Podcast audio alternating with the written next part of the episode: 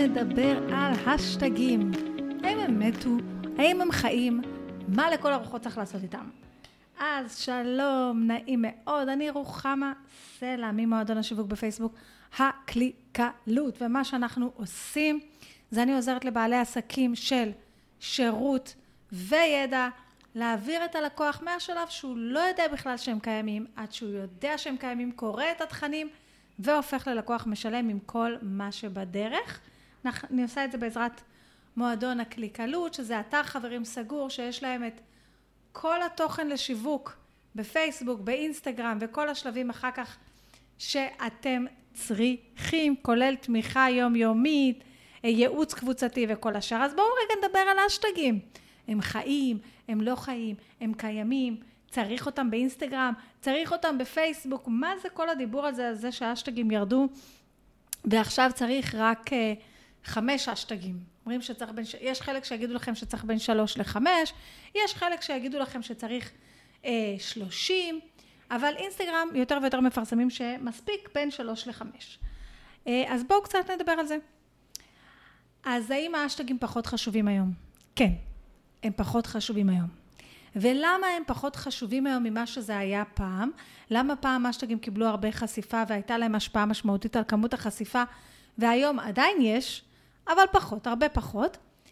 כי אינסטגרם שיפרו את כל הרעיון הזה של ה-SEO. הרי מה היה הרעיון הזה באשטגים? הרעיון באשטגים היה זה שאם מישהו מחפש את זה, הוא יוכל למצוא, ובגלל שלא היה SEO, ואני אסביר רגע, SEO זה הרעיון הזה של הקידום האורגני, שהמערכת קוראת את התוכן שלך, כמו שעושה גוגל למשל, ויודעת לקדם אותו על בסיס התוכן כולו. אז האפשרות הזאת היא לא הייתה קיימת. מה שהיה לנו זה השטגים. מכיוון שהיה לנו השטגים, וככה אנשים היו מחפשים, זה היה עוזר לנו בנראות. אוקיי? זה היה עוזר לנו מאוד בנראות, לא רק מזה שאינסטגרם היו נותנים יותר חשיפה, אלא בעיקר אם מישהו היה מחפש את הדבר הזה, אז הוא היה מוצא את זה והוא היה מוצא אותנו. אז הרעיון של אינסטגרם עכשיו, אחד המתחרים הגדולים שלהם זה טיק טוק, כמו שאנחנו יודעים, של מטא בכלל, ולכן הרילס תופס תאוצה מהממת, ואנחנו נדבר על זה בפרק נפרד. אה, אבל מתוך הרצון לתת את האופציות שטיק טוק נותנים, שזה חיפוש לפי תחומי עניין, שאנשים בטיק טוק לא מחפשים רק לפי האשטגים, אתה יכול לחפש לפי תחום עניין, גם ב... יש עוד איזה עניין בטיק טוק, למשל בטיק טוק, שהמערכת רואה שאתה מתעניין במשהו מסוים, אז כל הלשונית של ה-for you, אתה תראה את ה... נושאים לפי תחומי עניין. זה עובד אחרת מאינסטגרם, שבאינסטגרם אני מתעניינת באנשים. בטיקטוק אני יותר מתעניינת בתחומים, ואז אני רואה דברים מהתחום הזה. אני גם מתעניינת באנשים, אבל זה עובד כזה ביחד. אז גם היום, אם אתם תעשו חיפוש, בסדר? אה, אז המערכת היום יותר קוראת את הפוסט, קוראת את המילים שאתם כותבים ויכולה להשתמש במילים האלה או בנושאים קבועים שעולים אצלכם לחיפוש. זאת אומרת שאם היום אתם תיכנסו לאינסטגרם ותחפשו מילה בלי הסמן של האשטג, אתם תמצאו דברים שקשורים. בחלק מהדברים אתם תראו שאנשים לא השתמשו בביטוי הזה בכלל באשטגים שלהם, אבל השתמשו בזה בפוסט, או זה נושא מרכזי שרץ אצלהם בדרך כלל. אז אופציית ה-SEO עלתה, אופציית האינסטגרם ירדה. עכשיו, אז למה בכל זאת אינסטגרם ממליצים רק על בין 2 ל-5 אשטגים? למה כל כך קצת? כי אינסטגרם רוצים שאנחנו נשנה את הדרך שאנחנו חושבים ונשנה את הדרך שבה אנחנו פועלים בשביל לעזור למערכת החיפוש שלהם לתת תוצאות יותר מדויקים. כשאינסטגרם אומרת לי, תשמעי, את יכולה לרשום 30 האשטגים. אז אנשים עושים את המקסימום כדי לדחוף, סליחה, 30 האשטגים, נכון? שהם לא קשורים לתוכן בכלל, בשום צורה, אין לזה שום קשר, אוקיי? אני למשל מעלה פוסט אה, על אה, שיווק, איך עושים משהו וכולי, ואז אה, בתמונה יש אה, אה, פרח צהוב, אז אני אעשה האשטג פרח, האשטג חמניה, האשטג צהוב. האם זה קשור באיזושהי צורה לפוסט שלי ולתחום שלי? לא. האם אנשים עושים את זה? all the time, כל הזמן, אוקיי? כמו שאנחנו, כל פוסט שאנשים כותבים באינסטגרם הם מתייגים אינסטגרם ישראל, כל פוסט שאנשים כותבים בטיק טוק הם מתייגים for you, כאילו אם שמתי את התיוג for you אז זה יהיה ב-for you. זה מין איזושהי מחשבה קצת אה, מבולבלת אצל האנשים, אז, אנש... אז אינסטגרם רוצה שאנחנו נשנה את הפעילות ונתרכז רק באשטגים שבאמת קשורים לתוכן שלנו, שבאמת רלוונטיים למה שאנחנו רוצים, ל, ל, ל, במה שעוסק הפוסט שלנו, בנישה שלנו וכולי, אני אעשה לכם סדר בזה עוד שנייה. ולא נכתוב 30 השטגים בשביל לכתוב 30 השטגים שאין להם שום קשר כזה או אחר לתחום שלנו. אה, האם אפשר, עכשיו רק אני רק רוצה להגיד לכם, מכיוון שהמועדון ואני אה, עוסק גם בפייסבוק וגם באינסטגרם כי שתיהם מבית מטא וקצת בוואטסאפ כי זה גם כן מבית מטא, מבית צוקרברג נגיד, אז אני אגיד לכם גם על פייסבוק, גם בפייסבוק בדף העסקי אה, יש כל מיני מאמרים וכל מיני עדכונים מפייסבוק, שפייסבוק מעודדים להשתמש באשטגים גם בעמוד העסקי. אבל בפייסבוק זה מאוד מאוד ממוקד והם הסבירו מההתחלה שאשטגים בעמוד העסקי זה בין שלוש לחמש, לא להשתמש מעבר לזה. גם תחשבו איך זה שאתם נכנסים ורואים פוסט בפייסבוק ויש מתוכו איזה שלושים אשטגים. מה זה מוסיף לפוסט חוץ מבלגן גדול? אז הרעיון הוא שנשתמש בשלוש, חמש אשטגים, אבל ממוקדים, שבאמת קשורים. האם זה אומר שאני לא אמורה להשתמש יותר בשלושים אשטגים? שהדבר הזה כבר לא קיים, לא עובד, זה יזיק לי לפוסט? לא. ממש לא. אין שום הוכחה חד משמעית ששלושים אשטגים עובדים יותר טוב מחמש וכולי. אה, אבל העניין הוא שאם אתם משתמשים בשלושים אשטגים, הם צריכים להיות קשורים. צריכים להיות קשורים לפוסט שלכם, לנישה שלכם ולתחום שלכם, והם לא צריכים להיות תלושים. כי יש לי פרח צהוב, אז אני אשתמש באשטג צהוב, חמניה ופרח.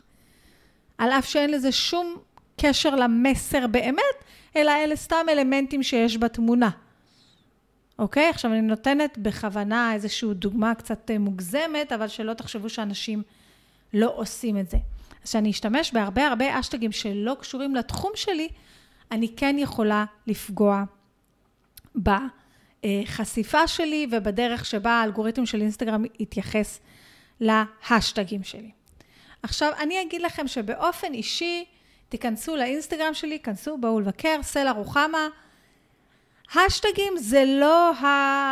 אה, לא על זה יושבת וקמה האסטרטגיה שלי, של התוכן, ואני אסביר רגע, אבל לפני זה אני רוצה לסגור רגע את הנושא הזה של האשטגים, ולהגיד לכם איזה סוגי אשטגים, אם בחרתם לשים 3 עד 5, או אם בחרתם לשים 20, מהם סוגי האשטגים שבדרך כלל כדאי לכם להשתמש. אה, אז חלק מהאשטגים צריכים להיות קשורים לתחום שלכם, אוקיי? אז נגיד אני עוסקת בשיווק. אז אשטג שיווק. אשטג אה, עסקים קטנים, אני לא יודעת. עכשיו אני צריכה משהו שקשור לנישה שלי. אשטג שיווק בפייסבוק, אשטג שיווק באינסטגרם, אשטג שיווק באינסטגרם לעסקים, אשטג אינסטגרם לעסקים, אני לא יודעת משהו כזה. ואז דברים שקשורים לפוסט ספציפי. אשטג טיפ, טיפים לרילס באינסטגרם, לא יודעת אם יש אשטג כזה, צריך לחפש. בסדר? אבל אני רוצה גם לבדוק כמה חיפוש יש בכלל באשטגים האלה. עכשיו אני אגיד לכם שאנחנו עובדים באשטגים בעברית, זה, בואו נעשה מרכאות כזה, זה לא כוחות, זה לא שווה, זה לא אותו דבר כמו לעבוד באשטגים באנגלית.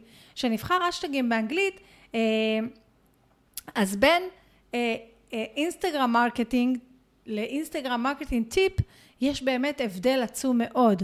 בישראל, אה, אנחנו יכולים לבחור אשטג שבתרגום לעברית ממש יהיה לו מעט מעט מאוד אה, חיפושים או מעט מעט מאוד אה, פוסטים נוספים שבחרו להשתמש באשטג הזה. אז אני חושבת שיש פה גם איזה עניין שצריך להתייחס. ואני כן רוצה שיהיה לי איזשהו תמהיל בין אשטגים מאוד מאוד פופולריים של מעל חמשת אלפים חיפושים לאשטגים קטנים יותר שיש בהם אה, פחות חיפושים והם יותר נישתיים והחיפושים שיהיו בהם יהיו הרבה יותר מדויקים. אז אני כן רוצה לעשות את הדבר הזה. עכשיו אני כן רוצה לענות על השאלה הזאת של האם להשתמש באשטגים בעברית או באשטגים באנגלית. אני יכולה להגיד לכם רק על סמך הניסיון שלי, שמשתמשים באשטגים באנגלית, רוב הישראלים לא מחפשים באנגלית, הם מחפשים משהו שהם רוצים בעברית. כשמשתמשים באשטגים באנגלית, אני אגיד לכם מה שקורה לי, ואני בטוחה שזה קורה גם לכם, אבל יאללה. מגיעים הרבה הרבה בוטים. מגיעים כל מיני בוטים שמחוברים לאשטג הזה, ואז עושים לי לייקים, עוקב, סליחה, ולייק, כל מיני אנשים מהעולם שהתוכן שלי בוודאות לא מעניין אותם והם לא יודעים לקרוא עברית. עכשיו, אני כותבת את הפוסטים שלי בעברית, אני משערת לעצמי שגם אתם. ולכן אני לא משתמשת באשטגים באנגלית, כי קהל היעד שלי הוא ישראלי והוא דובר עברית. האם קהל היעד שלי לא יודע לדבר באנגלית? יודע. האם הוא יודע לכתוב באנגלית? סביר להניח שהוא יודע. האם הוא מחפש באנגלית? אולי חלק קטנצ'יק ממנו עושה חיפוש Facebook marketing tip. אולי. Mm, לא בטוחה. מה קורה באמת כשאני כותבת אשטג Facebook marketing tip? אני מקבלת מלא מלא אה, לייקים ועוקבים שהולכים אחרי יומיים שלוש, לא רלוונטיים לי בכלל, מהעולם. זה שלי, אתם תבחרו מה לעשות. הדבר הכי טוב בכל הדברים האלה ובכל אסטרטגיית שיווק שאתם תלמדו, במיוחד של דברים מאוד מאוד משתנים, כמו השטגים, רילס, שהאסטרטגיה בה משתנה בערך כל חצי שנה, זה לנסות ולבדוק מה עובד יותר טוב בעסק שלכם. אוקיי? אז זה משהו מאוד מאוד מאוד מאוד חשוב. אבל בסופו של דבר אני חייבת להגיד לכם שמי שבאמת מצליח, זה מי שברור לו מה הנישה שלו, מי הלקוח, מה, המוצ... מה הוא מוכר, למי הוא מוכר, איפה הוא מוכר ומה האסטרטגיה התוכן שלו. אחד הדברים שבאמת באמת חשוב לנו לדעת זה מה אני מוכרת ולמי אני מוכרת ולה, ומה הלקוח שלי צריך לשמוע ממני על מנת לקנות, אוקיי? יש לנו תוכנית חדשה במועדון, במועדון הקליקלות, שבה אני עוזרת לכם לנת... קודם כל להבין מה המוצרים שלכם, אם עדיין אין לכם סל של מוצרים, להבין מה המוצרים שלכם, להבין איזה מוצר כדאי להוסיף עכשיו לעסק וכולי.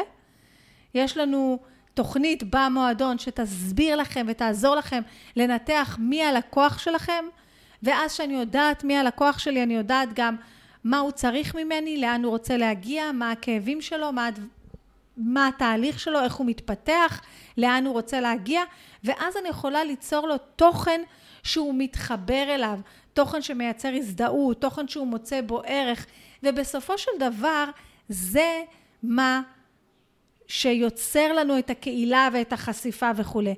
השטגים זה דבר נהדר, אבל זה כמו, זה, זה לא מלח ופלפל, זה זאטר קצת, אני יודעת מה זה, משהו קטן כזה להוסיף, אוקיי? אה, וזה נחמד, אבל זה רק חלק, הזאטר טיפה שאנחנו נוסיף באסטרטגיית תוכן שלנו, וזה לא אסטרטגיית תוכן במלואה. אני אוסיף לכם כאן מסביב גם כן כבר 40 רעיונות לפוסטים לקידום העסק שלכם, שתוכלו להתחיל ולקדם את העסק שלכם. אתם יכולים למצוא את זה גם בגוגל, אם תכתבו פוסטים לנצח, אתם תגיעו לדף שדרכו נרשמים ל-40 רעיונות לפוסטים ואפשר לקבל אותם. ואני אספר לכם שאם באמת התחברתם אליי ולאיך שאני מעבירה את התוכן ולנושא הזה, אני מזמינה אתכם להצטרף למועדון הקליקלות, ללמוד ולקבל עוד פרטים אה, עליו. פשוט לרשום מועדון הפייסבוק או מועדון השיווק פלוס רוחמה סלע בגוגל ואתם תגיעו לפרטים. אני גם ארשום לכם כאן מתחת על זה ועל 365 ימים של שיווק. אז זה הכל בקשר לאסטרטגיית אשטגים ל-2022. אה, אני מקווה שזה יישאר, האסטרטגיה, עוד איזה תקופה אה, קצרה. אה, אבל מה שחשוב זה שבאמת, כמו שאני אומרת לכם, תלמדו טוב טוב מי הלקוח שלכם ומה הוא רוצה לשמוע ואיך אתם יכולים לעזור לו לעבור את הטרנספורמציה שהוא רוצה לעבור ולהגיע לשלב הבא שלו. אני הייתי רוחמה סלע, תודה רבה שהקשבתם עד עכשיו. אם אהבתם את הפרק, תירשמו, תעשו לייק, כל הדברים האלה שצריכים לעשות, ואנחנו נתראה בפעם הבאה. צ'או.